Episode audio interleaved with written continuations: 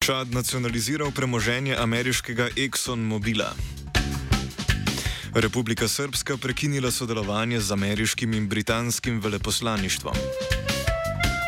Danska pridružitev Evropski varnostni agenciji. Protesti kmetov proti okoljevarstvenim zahtevam.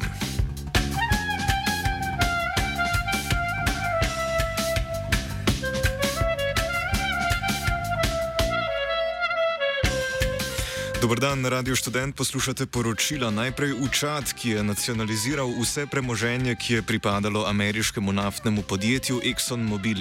Premoženje vključuje dovoljenja za pridobivanje fosilnih goriv, 40-odstotni delež čadskega podjetja Doba Oil, ki vključuje sedem naftnih ploščadi in 40-odstotni delež več kot 1000 km naftovoda med Čadom in Kamerunom.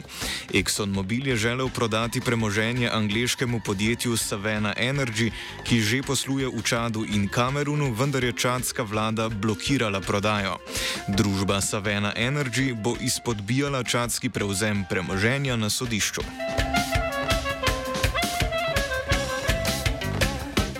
Predsednik Demokratične republike Kongo Felix Čisekedi je na ministerska mesta nastavil svoje politične zaveznike.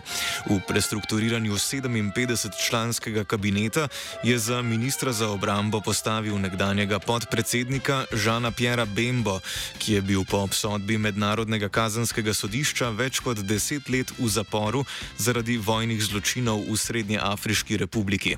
Za ministra za gospodarstvo je postavil Vitala Kamerheja, ki je bil pred tremi leti zaradi poneverbe 50 milijonov dolarjev predsedniškega gospodarskega programa obsojen na 20 let v zaporu, a so ga po enem letu izpustili. Nekdani uporniški voditelj in nekdani zunani minister Antipas Mbusa pa je postal minister za regionalno integracijo. S prestrukturiranjem vladnega kabineta je Čisekedi okrepil svojo koalicijo pred decembrskimi predsedniškimi volitvami, na katerih se bo zelo verjetno potegoval za nov mandat.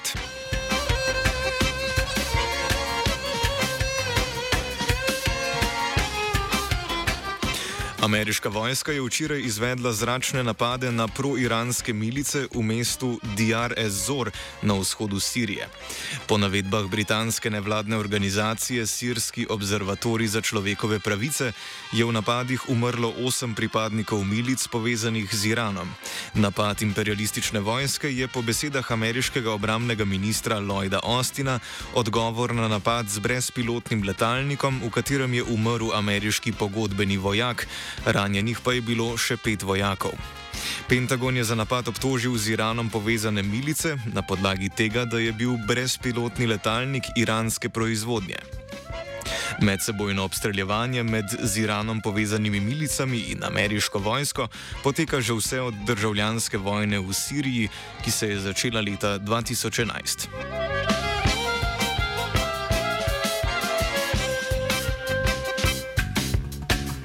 Zdaj pa v Evropo. Danski parlament je izglasoval članstvo v Evropski varnostni agenciji, v kateri so zdaj vse članice Evropske unije.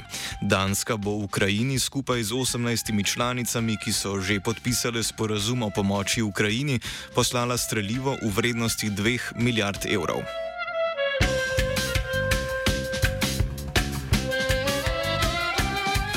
Vlada Republike Srpske je prekinila sodelovanje z ameriškim in britanskim veleposlaništvom zaradi umešavanja v notranje zadeve Bosne in Hercegovine. Združenim državam Amerike in Združenemu kraljestvu očitajo nespoštovanje Daytonskega sporazuma in kršenje mednarodnega prava. Odločitev je entitetna vlada sprejela potem, ko so ZDA prejšnji teden uvedle sankcije proti direktorju uprave za geodetske in premoženske zadeve Republike Republike Srpske Draganu Stankoviču. Poleg tega so američani sprejeli sankcije proti nekdanjemu šefu varnostno-obveščevalne službe Osmanu Mehmedagiču in vodi narkokartela Edinu Gačaninu. ZDA so blokirale vse njihovo premoženje na svojem ozemlju in vse transakcije, ki bi prišle iz ZDA, razen če jih odobri urad za nadzor tujega premoženja. Stankovič je bil odgovoren za sprejetje zakona o nepremičninah v Republiki Republiki Srpski, ki ga je Bosansko ustavno sodišče spoznalo za protiustavnega. Zakon je spodkopal državno oblast Bosne in Hercegovine nad državnim premoženjem v Republiki Srpski, za kar ZDA trdijo, da krši Daytonski sporazum. Predsednik Republike Srpske in predsednik Zavezništva neodvisnih socialnih demokratov, ki ima večino v entitetni vladi, torej Milorad Dodik, sicer nima pristojnosti za diplomacijo, saj ta spada pod okrilje državne, ne entitetne oblasti. Smo se osamosvojili, nismo se pa osvobodili. Naslednje število je še 500 projektov. Izpiljene modele, kako so se strani nekdanje LDS rotirali. Ko to dvoje zmešamo v pravilno zmes, dobimo zgodbo o uspehu. Takemu političnemu razvoju se reče udar. Jaz to vem, da je nezakonito, ampak kaj nam pa ostane? Brutalni obračun s politično korupcijo. To je Slovenija, tukaj je naša zemlja, to je Slovenija, Slovenija,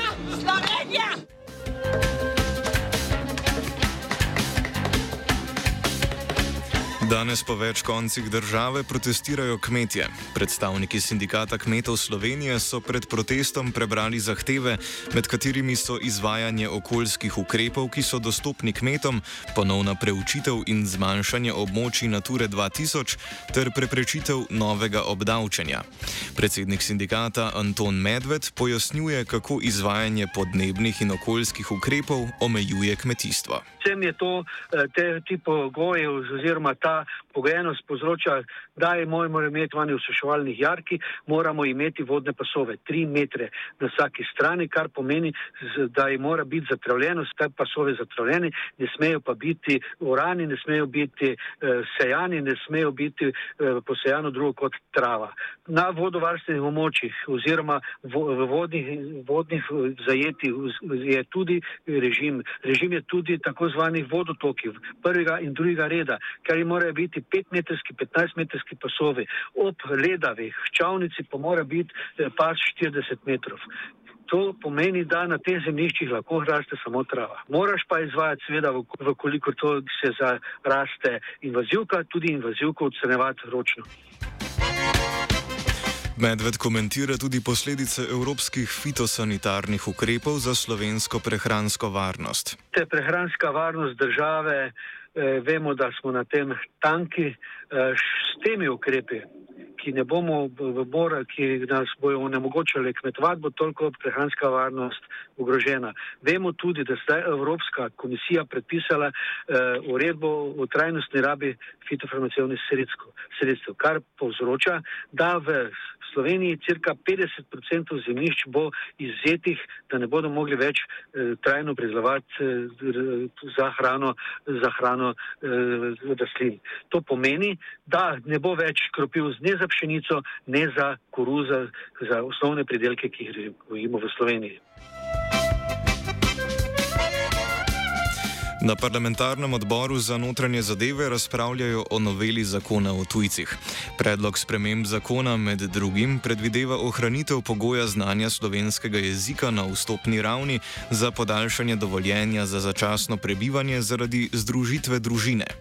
Za črtanje pogoja, ki ga je v zakon uvedla prejšnja vlada Janeza Janše, se je zauzel zagovornik načela enakosti, saj bi lahko pomenil nedopustno diskriminacijo tujcev. Temu posredno pritrjuje tudi mnenje zakonodajno-pravne službe državnega zbora, ki je ocenila, da bi bilo treba pogoj preveriti in utemeljiti z vidika ustavnega načela enakosti, saj državljanom Evropske unije, za razliko od državljanov tretjih držav, za podaljšanje dovoljenja za prebivanje ni treba izpolniti pogoja znanja jezika. Za odpravo pogoja se je zauzela tudi predsednica republike Nataša Pirc-Musar. Levica je k noveli zakona predlagala amandma, po katerem bi nacionalistični pogoj iz zakona črtali. Pred sejo smo poslanko Natašo Sukič vprašali, ali so amandmaju zagotovili podporo Gibanja Svoboda in socialnih demokratov. Kaj pričakujemo, ne vem, eh, težko komentiram, eh, glede na to, da smo bili v koaliciji, eh, torej, že, torej medresorsko in v koaliciji že usklajeni pred časom, da se vse to črta, potem je pa prišlo do spremembe. Eh, minister Poklukar je nenadoma vrnil ta člen v zakon in tukaj so se začele težave pri dogovarjanju, tako da jaz težko napovem, kaj bo naredila, kaj bo sta obe ostali koalicijski partnerici danes s tem naredili. Sejo so že po zaključku naše redakcije, torej pred nekaj minutami prekinili in jo bomo, bodo nadaljevali v ponedeljek. Kot je pojasnila Tereza Novak iz Gibanja Svoboda, ki je sejo vodila, je sejo prekinila zaradi uskladitve amandmajev in zahtevnosti obravnavane tematike. Več besed pa bomo na Radiu Student noveli zakona o tujcih in noveli zakona o zaposlovanju tujcev namenili v kultivatorju danes ob petih. Of je pripravila vajenka Hanna, pomagal pa ji je Fin.